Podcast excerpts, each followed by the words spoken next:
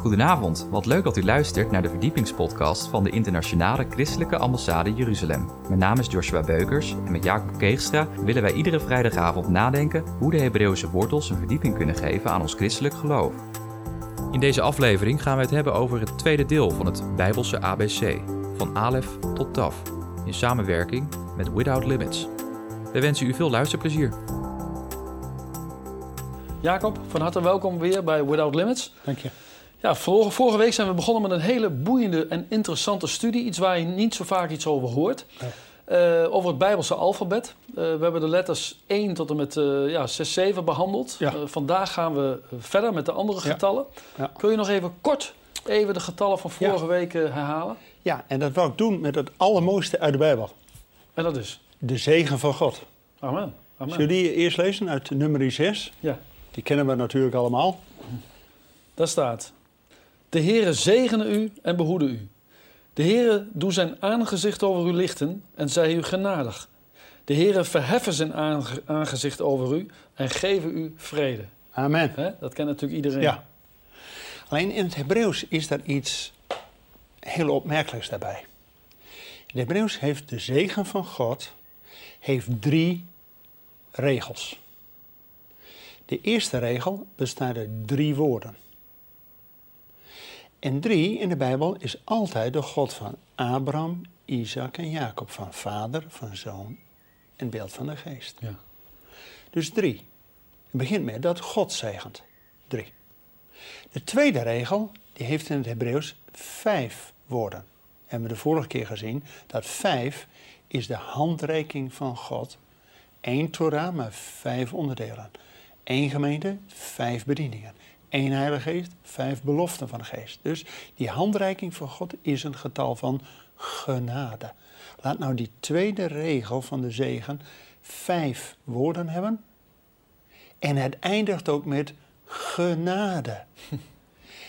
Heel opmerkelijk. En die derde regel, slotregel, heeft zeven woorden. Nou, we hebben vorige keer gezien, zeven getal van de volheid. Dat eindigt ook met shalom, met volheid, met vrede. Dat je heel mag zijn.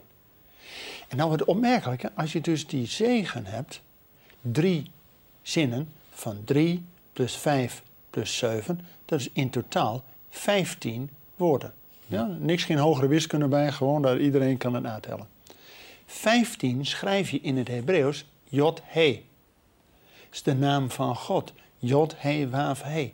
Met andere woorden, in die zegen is het overduidelijk, het is de zegen van God. Amen. Want zijn naam staat er gewoon in gedrukt. Ja, geweldig. En dan moet je eens kijken. 15 woorden en in het centrum gaat het om de genade. Is het achtste woord. Betekent dat er dus zeven woorden links staan, de volheid links. Zeven woorden rechts, volheid. En de genade is iets wat van God komt. Welk beeld heb je dan? Ja, het kruis. Het kruis. Dus hoe komt die zegen in die genade tot ons? Via het kruis. Goh. Nou, Henk, als je dat toch één keer ziet, dan denk je, Ja, wauw, dat, er- er zit zo'n diepgang in de schrift. Ja. Daar wordt toch stil van. ja, hier zien we de grootheid van Ja, God. Dat kun je, dit kun je zelf niet bedenken. Nee, nee. Ja, daar word je gewoon stil van. Dus eigenlijk zou je bijna amen zeggen. Want ik bedoel, de zegen, dat is precies waar het over Dit gaat. was Without Limits. Ja. Tot volgende week. Ja, maar gaan we nog even door. Gaan er is meer, er is ja, meer. er is meer. Maar kijk, we hebben vorige keer gehad het verschil tussen zeven is volheid, afronding, en dan die achtste dag van de nieuwe tijd. Hè, van de besnijdenis was op de achtste dag. Maar ook Jezus stond op de dag na de Shabbat. Eigenlijk de eerste dag van de nieuwe tijd, de achtste dag. Dus acht geeft ook iets aan het perspectief, het hemelse perspectief. Van die genade die tot ons komt.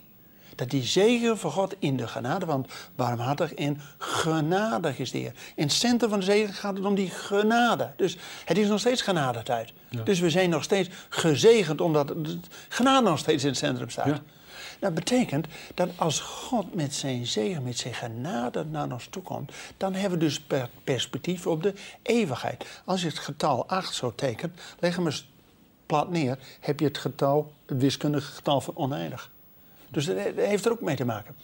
Maar dat betekent, Je hebt dus eerst de volheid in God nodig, met eeuwigheidsperspectief, dat je dus kind van de eeuwige bent, van de nieuwe tijd, waar geen einde aan komt. En dan pas kun je het getal 9 op zijn volle merites bekijken. Want 9 staat in de Bijbel voor de onderwijzing van God, de Torah, die wij helaas vertalen met wet. En dat is iets heel opmerkelijks. Toen ik dat doorkreeg, denk ik, oh wauw. Het volk van God uit Egypte. Pas 50 dagen later krijgen ze de Torah, de onderwijzing van God. Helaas vertaald met de wet, de tien geboden. Maar God doet dat als het volk bevrijd is. Dan pas krijgen ze de onderwijzing van God om de leefregels van het koninkrijk, van het eeuwig leven te hebben in het beloofde land. Die krijg je niet in Egypte. Maar dat betekent dat dat ook voor ons een les is dat de onderwijzing van God, de Torah, de geboden van God, kunnen wij nooit houden als we nog in het natuurlijke, in, de vlees, in het vlees leven. Maar we hebben eerst de openbaring, de verlichting van God door zijn geest nodig. We hebben eerst dat we tot wedergeboren zijn, dat we deel zijn van het koninkrijk. In het beloofde land van God in wezen al leven. Dan pas kunnen we de leefregels van God echt snappen. mooi. Dus Psalm 119, die eindeloze psalm, die heeft steeds coupletten van acht versen, van eeuwigheidswaarde. Maar die Psalm 119, die psalm waar geen einde aankomt, betekent, die kunnen wij pas houden als we al als kind eeuwig leven hebben door Jezus onze Heer. Nou, dat vind ik een openbaring die geweldig is. Want anders gaan we toch altijd, zeg maar, in het verkeer. Probeert de overheid ons ander gedrag bij te brengen. Van, oh, je mag niet te hard rijden, hè? anders krijg je straf. Ja. Maar dat is alleen maar ploegen op de akker van de natuur. Ja. Van het vlees. Maar je, de Bijbel geeft de leefregels van God als, wat vroeger in de catechismus ooit stond, dat stond daar heel goed, is een leefregel van dankbaarheid. Dat kunnen wij pas houden, de tien woorden van God, de tien onderwijzingsleefregels van God, als we verlost zijn. Want als je nog in Egypte bent, dan is het slavernij. Je moet dit, je moet dat. Dat is geen gebod van God. Dat is een gebod van de farao. Die wil je eronder drukken. Maar als je bevrijd bent, dan heb je leefregels van een koninkrijk nodig. Ja. Dat is het getal 9. En die heb je nodig voordat je het getal 10 begint te snappen. Want 10 in de Bijbel staat voor de gemeente. De minyan heet dat in het Hebreeuws. Want als Abraham dat vergezicht over Sodom, wat bijna uh, vernietigd werd, dan ging Abraham niet zeggen: Nou, heer, het was toch allemaal een zootje daar, dus weg ermee. Nee. En hij bleef lekker op, een haagje, eh, eh, op zijn eigen haagje. Nee, hij gaat bidden. Och heer, als er maar 50 rechtvaardigen zijn. En dan, ach heer, als er maar 40 rechtvaardigen. En op een gegeven moment ga je door, als dat er maar 10 rechtvaardigen mogen zijn. Gaat het om die 10 rechtvaardigen die in gemeente zijn, gaat hij dan de stad verwoesten? Nee. Dus tien staat in het Hebreeuws voor een gemeente van de rechtvaardigen die tot behoud van de stad zijn. Dus tien is iets, niet van eerst ook in het Jodendom. En een gemeente gaat pas starten als er tien mannen zijn. De een leest, de ander uh, beoordeelt, de ander heeft een woord, de ander heeft profetie. Dus tien is een gemeente. Ja. Nou, dat vind ik. Ja, dus we hebben in wezen al het Bijbelse tien. Maar in het Hebreeuws heb je ook nog elf en twaalf. En met name 12 komt iedere keer voor, naar voren als de twaalf discipelen. Ja. De twaalf stammen. de twaalf uh, poorten van de stad Jeruzalem. De twaalf uh, stammen die ook ieder uh, naar noord, zuid, oost en west, drie, vier windrichtingen, altijd keer drie poorten. En daar de twaalf stammen. Dus twaalf komt iedere keer weer naar voren. Maar hebben ook weer die drie en vier als onderdeel in zit. En drie en vier hadden we al de vorige keer, de drie aartsvaders en de drie aartsmoeders, die het hele volk met de twaalf stammen hebben nou ja, geformeerd. Dus twaalf is logisch in de Bijbel ook een bepaalde afronding van, dus niet het Bijbelse 1 tot 10, maar eigenlijk Bijbelse 1 tot 12. Dat hadden we vroeger in het Engelse metrisch systeem, was ook alles op 12 georiënteerd. Nou, in, het, in, in, het Nieuwe Testament, in de openbaring 4, daar neemt Johannes een kijkje in een geopende deur in de hemel. Ja, ja. En dan ziet hij eh 24 oudsten. Ja. 12 hè, als vertegenwoordigers voor het Nieuwe Testament en, En 12 12 van als vertegenwoordigers van het Oude Testament. Hè? ja. Heeft dat ook nog ergens iets, iets mee te maken? Ja, dus die 12 en eh, eh, de 12 keer 12 keer 1000, de 144.000 getuigen, daar zie je ook iedere keer de 12 stammen en dat ook 12 als een volledigheid van die stammen. Dus ja, die 12 komt iedere keer naar voren als een representant voor het hele volk. De 12 stammen, de 12 verspieders. Ja. 10 deden wat anders en Ja, twee waren goed. Dus dat 10, dat is eigenlijk nog. eh, ja, in de Bijbel heeft 12 nodig om een, tot een compleetheid te worden. Dus Bijzonder, hè? Ik vind dat wel heel bijzonder, ja. Dus als we het eerst dus hadden over die, de zegen van God, waar die 3, 5, 7 zo in naar voren komt. Dus dan heb je de Bijbelse eh 3, 5 en 7 van de drie eenheid van de handreiking van God en de volheid. Wie volledig 15 het, de, de, de, de, de van de naam van God symboliseert. Ja, dat betekent dat in de Bijbel, met de Bijbelse woorden, er direct al een bepaalde symboliek in zit van die getallen die God ons er gewoon gratis bijgeeft. Ja. Het is niet om daardoor zalig te worden, maar het geeft een verdieping van geloof. Ja. Van ja, zo'n zegen die, die zo is opgeschreven, dan denk je ja, het zal wel. Maar als je de compositie, de eenheid, de structuur en hoe dat opgebouwd is, Ja. dat kun je gewoon zelf niet bedenken. Ja, dan denk Daar- je, wauw. daar moet een goddelijke hand in zijn. Nou, en ook die twaalf, dat bedenk je ook niet zelf. Jezus koos er dus niet tien discipelen uit, twaalf. En ook naar de twaalf stammen van Israël. Ja, dat heeft bij God een bepaalde vertegenwoordiging. Die is dus ook die twaalf stammen eh, die, die bij de troon van God zijn. Ja. Dus 12 komt ook in de openbaring iedere keer weer naar voren. Nou, dat betekent als je openbaring wilt bestuderen en van die getalsymboliek niet zoveel weet, ja, dan, is, dan ben je abracadabra. Maar God wil, wat we vorige keer eh, gezien hebben, die zeven, hè, komt ook in de openbaring iedere keer naar voren. Hè, de zeven schalen, de zeven zegels en de zeven bazuinen. En ook die 12 maal 12, en duizend is ook een getal van eeuwigheid. Hè. De, de, de duizend jaar bij God is één dag en Ja. één dag is als duizend jaar. Dus 12 maal 12 is ook een ja, volheid tot de max. Hè. Dat die, die getuigen die de, die de wereld overgaan, de 144.000 getuigen. Ja, jij bent alleen als evangelist. Nou, met de camera erbij heb je hopelijk straks ook 144.000 die dit zien. En die dus ook dit als getuige uitstralen. Dan denk je, ja, God wil vermenigvuldigen. Dat is toch wel een boodschap die eruit naar voren komt. Ja, mooi. mooi.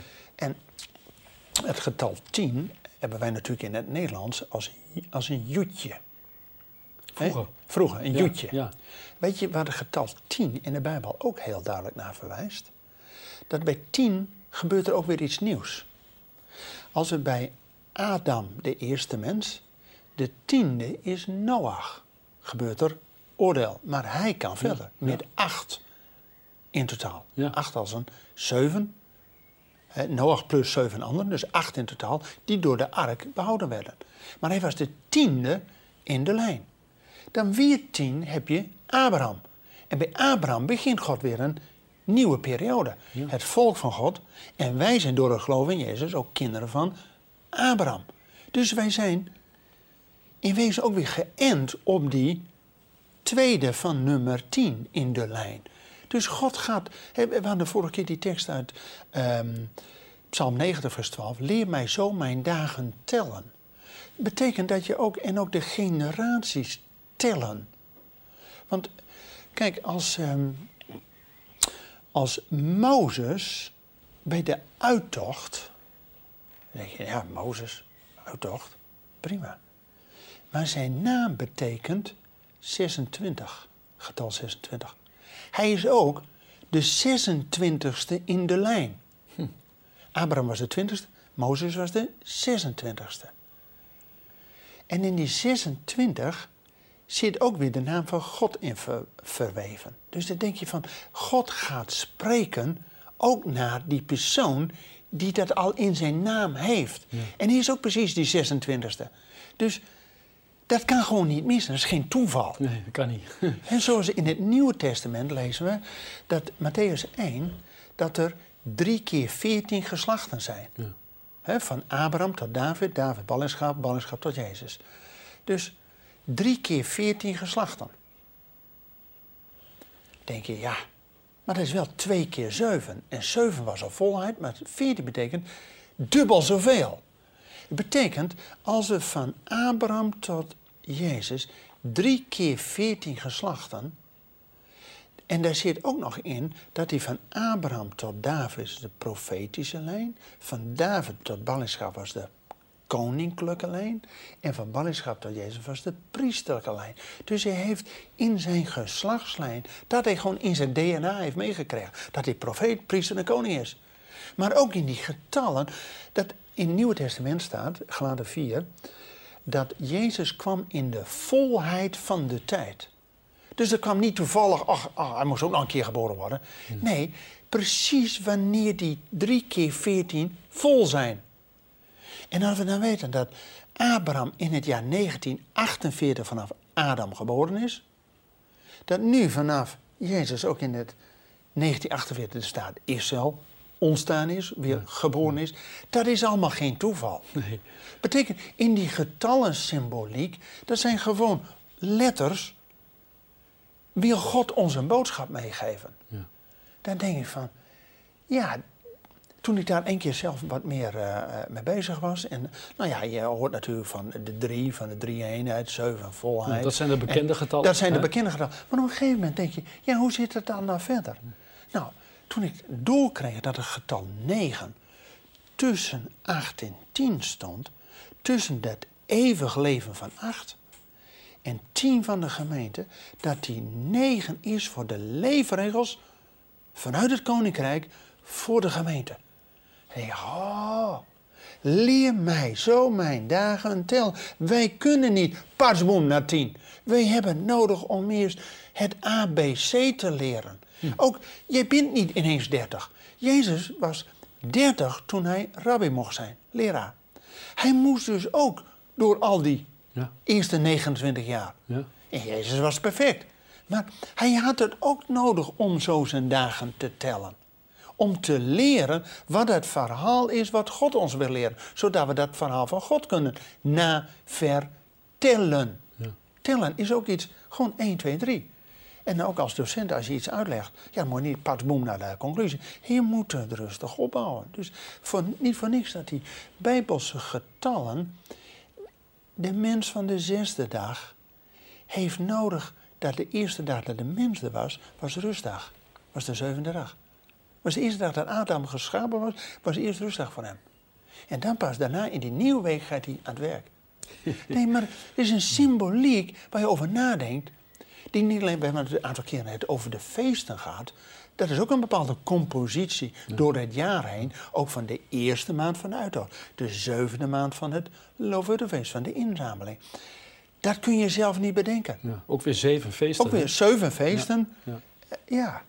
Eh, We gingen eigenlijk net van eh, getal 12 even naar getal 14. ja. Nou, voor veel eh, mensen in de wereld, laat ik het even zo zeggen, is getal 13 een ongeluksgetal. Ja. dat is natuurlijk bijgeloof. Maar is er ook een, een bijbelse waarde aan het getal 13? Of dat niet? Nou, in wezen is Jezus buslijnde discipelen is ook 13. 1 plus 12. Ja. En zo kom je dat vaker tegen. Dat ehm, je, de 12 is een geheelheid en er komt één bij. Dus eh, Jezus in zijn discipelen is in wezen 13. Maar dat is in de wereld een ongeluksgetal. Voor ons is dat hij degene, de leidsman, die voorop gaat om die discipelen, die hele gemeente, te leiden. Ja, ja. Dus voor ons is dat eigenlijk eerder een geluksgetal, dat hij degene is die die 12 gaat leiden. Amen. Amen. Ja, dus. eh, nee, maar we, we kijken het vaak zo met de bril van de wereld ernaar. Denken, oh, om ongeluk. Of, eh, Ja. nee. Nee. God wil er toch iets door die getallen in de hele symboliek laten aangeven. Van, ja, er, is juist hoop te krijgen. Want als we nu. Kijk, we hebben eh, eh, tien van de gemeente. En eh, tien was ook Noach, de twintigste was Abraham. Maar dan van het getal 22. Er zijn 22 letters in het Hebreeuws. Helemaal, 22. Dus na 22 houdt het op. Dus wij hebben 26 letters. Ja, dus we hebben alfabet? klinkers erbij. Ja. En in het Hebreeuws heb je geen klinkers. Ja. Dus ze hebben, eh, ze hebben 22 letters. Wat was de laatste psalm die Jezus aan heeft, reciteert, citeert aan het kruis? Psalm 22. En 22, die heeft dan ook in precies vers 22 einde. Maar in vers 23, ik zal uw naam bekendmaken aan uw broeders in het midden der gemeente. 23 is dus het begin van de nieuwe Ja. serie. Dus Jezus, als hij Psalm 22 aanheft, en dan denken we allemaal, oh mijn God, mijn God, waarom heb ik mij verlaten? Hebt u mij verlaten? Dat is vers 1. Maar voor de discipelen die erbij stonden, is daar de aanhef van heel Psalm 22. Maar dan moet je wel doorlezen. Wij stoppen van, oh, het was toch wel erg zielig allemaal. Hè? Waarom heb ik hem verlaten? Klopt ook wel. Maar Jezus haalt de hele psalm aan. En dan vers 23, het begin van het nieuwe, daar staat er, ik zal uw naam verkondigen aan mijn broeders van, gij hebt mij geantwoord. Met andere woorden, Jezus geeft dus al aan met psalm 22, dit is niet het einde. Ja. Maar u hebt mij geantwoord en ik zal uw naam verkondigen aan mijn broeders. Na de opstanding, wat deed Jezus? 40 dagen lang de naam van God proclameerde aan zijn broeders. Prachtig. Ja. Dus 22, wij denken, oh, eh, weet ik het. Eh, Einde van alle letters. Maar voor God is dat weer een teken dat er weer nieuwe hoop is. Bij Shimchat Torah wordt de tekst geëindigd van de Torah en direct weer gestart. Dus bij God is er geen einde aan. Wij denken natuurlijk altijd lineair. Dat is eh, sinds Augustinus gekomen. Dat we allemaal oorzaak-gevolg en we moeten allemaal eh, rechte paden. Zelfs Psalm 23, dat is na 22, hè? Psalm 23. Hij leidt mij groene weiden, grazige weiden. Daar staat, gij leidt, en wij hebben dat vertaald, u leidt mij in de rechte sporen. Ja. Nou, we willen alles recht hebben. Oh, wel weten wat er daar is. Nee, de Bijbel staat, in de Bijbel staat, Psalm 23, dus de psalm na 22, die dus weer nieuwe hoop geeft. De Heer is mijn herder, mij ontbreekt Niets. niets. Nou, dat is toch van het nieuwe leven. Ja. Hij en wat een zegen ook, hè? Weer. voor de meesten is toch Psalm 23 hun levenspsalm, waar ze hoop en troost uitgeput hebben. Dus Psalm 23 is weer een psalm van nieuwe tijd.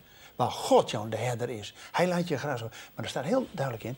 Hij leidt mij de- in de juiste cyclussen van het leven. Dus ook niet al die rechte paden, dat is Nederlands vertaald. Hij leidt me in de juiste cyclussen. Dus ook dat we 1 tot en met 10 tellen. En dat we dus eerst het kind zijn helemaal hebben afgerond. Dan worden we adolescent. Dan worden we volwassenen. En dan worden we senior. Ja, mooi. Dus God geeft ons iedere keer, laat, leer mij zo mijn dagen en mijn jaren tellen. Dat ik daardoor een wijs uitbekom. Dat wanneer je 50, 60 bent, dat je niet meer dezelfde fouten doet als toen je 20 was. Anders heb je toch niks geleerd. Ja. Tuurlijk, iedereen heeft recht op zijn eigen fouten. Om dus ook weer de dingen te leren. En je hoopt je kinderen te behoeden voor de fouten die jij gemaakt hebt. Maar God wil ons door het leven ook iets leren. Leer mij zo mijn dagen tellen. Dus dat tellen in de Bijbel is niet alleen je verhaal schrijven, zodat je het na kunt vertellen, maar dat heeft ook iets met tellen te maken. Dat zit in het Hebreeuws helemaal bij elkaar. Vandaar dat ik denk, ja, dit is een boodschap die we gewoon, ja, moeten ver- vertellen om na te tellen. ja, prachtig. Ja. Prachtig. Hey, Jacob, we hebben nog eh, vier minuten. Ja? Ehm, we hebben nu eh, gehad tot en met getal 22. Ja. Eh, zit er tussen de 22 en de 100 nog iets bijzonders? Ja, ja, ja, ja, ja. Of zijn we dan nog drie afleveringen bezig? Nou, zeker de volgende aflevering. Kijk, maar 30, pas bij 30 is, ja, het mooie is, bij 3, het ja- eh, wanneer een kind 3 is in Israël, leert hij de Torah. Op zijn dertiende, Ja. voor het meest een ongeluk, bij, in Israël is, is hij bar mitzwa. Wordt hij zoon der wet, moet hij ook de wet houden. Ja. Op zijn dertigste mag hij pas de Torah leren aan anderen, een rabbi. Niet voor niks dat Jezus ook dertig moest zijn Ja. voordat hij in de bediening kon worden. ja, zeker. En 40 kennen wij in de Bijbel natuurlijk altijd. 40 is de eerste letter in het Hebreeuws die afgerond is. Die dus echt dicht is. Af, dus eh, een gesloten letter. Dus daarmee... Dus letterlijk hoe je het schrijft, zeg maar. Ja, hoe je het schrijft, Ja. maar dat betekent ook, het is een afgeronde periode. Periode, ja. Niet voor niks. 40 komt in de Bijbel iedere keer naar voren. voren. Mozes was 40 dagen op de berg. Eh, Jezus was 40 dagen in de woestijn. Ehm, ja, 40 komt iedere keer naar voren. Je hebt zelfs 40 eh, Bijbelschrijvers. Dus 40 is een afgeronde periode. Als Jezus na de opstanding 40 dagen aan zijn discipelen onderwijs geeft. Tot de hemelvaart. Dus die 40 is ook een afgeronde periode. En ehm, Mozes was zelfs drie keer 40 uh, dagen uh, op de berg. Ja, dus de, de, die 40 komt iedere keer naar voren. Dat en is dus duidelijk. vaste twee keer 40 dagen. Ja, ja, ja. ja, ja. En Jezus vast ook 40 dagen. Dus het schijnt ook je lichaam 40 dagen schijnt te kunnen. Daarna moet je uitkijken, want dan gaan allerlei organen andere dingen doen. Dus 40 is ook een afgeronde periode. Niet van niks dat ook in het dierenrijk met een uh, arend, dat, dat, komt, dat beeld komt ook vaak voor, die uh, op zijn 40ste gaat hij de hoge de berg in. En dan krijgt hij een nieuwe snavel, nieuwe veren. En dan heeft hij weer een periode van 40. Oh, bijzonder. Is, dus dit is niet alleen voor ons als mensen, maar ook in het dierenrijk komt dat gewoon voor. Ja. Dus 40 is, is ook een afgeronde periode. Dat betekent ook, ja, dat we dus ons ook onze dagen moeten leren tellen. En als de, de maat vol is, dan is het ook afgelopen. Niet voor niks dat ook na, Jezus na 4000 jaar na Adam kwam. En, en we zullen ook de volgende keer zien dat de laatste letter in het Hebreeuws, de taf, is 400. Heeft ook een bepaalde symboliek. Dus 4, 40, 400, 4000, die komt ook iedere keer voor. Hmm. Dat is wel heel bijzonder. Dat de Bijbel dus een bepaalde ja, repetitie van getallen geeft en iedere keer weer een verdieping erin. Want 4 hebben we gezien is, het, is de deur, Jezus is de deur. 40 is een afgeronde periode, is dus ook, en dan gaat een deur dicht en hopelijk weer een volgende deur open. 400, de laatste letter, betekent ook, als Isa 400 jaar in Egypte is, is die periode afgelopen, gaat een nieuwe deur open. En 4000 na, je, na Adam, 4000 jaar later komt wat Jezus, dat is de nieuwe Adam, zodat we niet meer zo in die zonde leven van de eerste Adam, zodat er een nieuwe deur open gaat. Dus God geeft iedere keer iets nieuws en een verdieping. Ja, prachtig. Ja, daar kun je gewoon in doorgaan. Heel bijzonder, ja, Jacob. Ik vind het echt heel bijzonder. Ja, ja, ja, dit zijn dingen dat je, dat, waar je eigenlijk versteld van staat. Je ziet ook Gods grootheid hierin natuurlijk. Hè? Uh, want de Bijbel bevestigt zichzelf eigenlijk in deze hè, Bijbelse getallen. Ja. En uh, ja, ik ben blij uh, dat je dit met ons gedeeld hebt. Dankjewel. Bedankt voor het luisteren naar deze verdiepingspodcast van de ICEJ. Waardeert u onze podcast? Steun ons dan met een donatie, abonneer u of deel deze podcast met uw vrienden of familie. Ga naar www.icej.nl. Volgende week volgt het derde en laatste deel van het Bijbelse ABC. Hartelijk bedankt voor het luisteren en tot volgende week.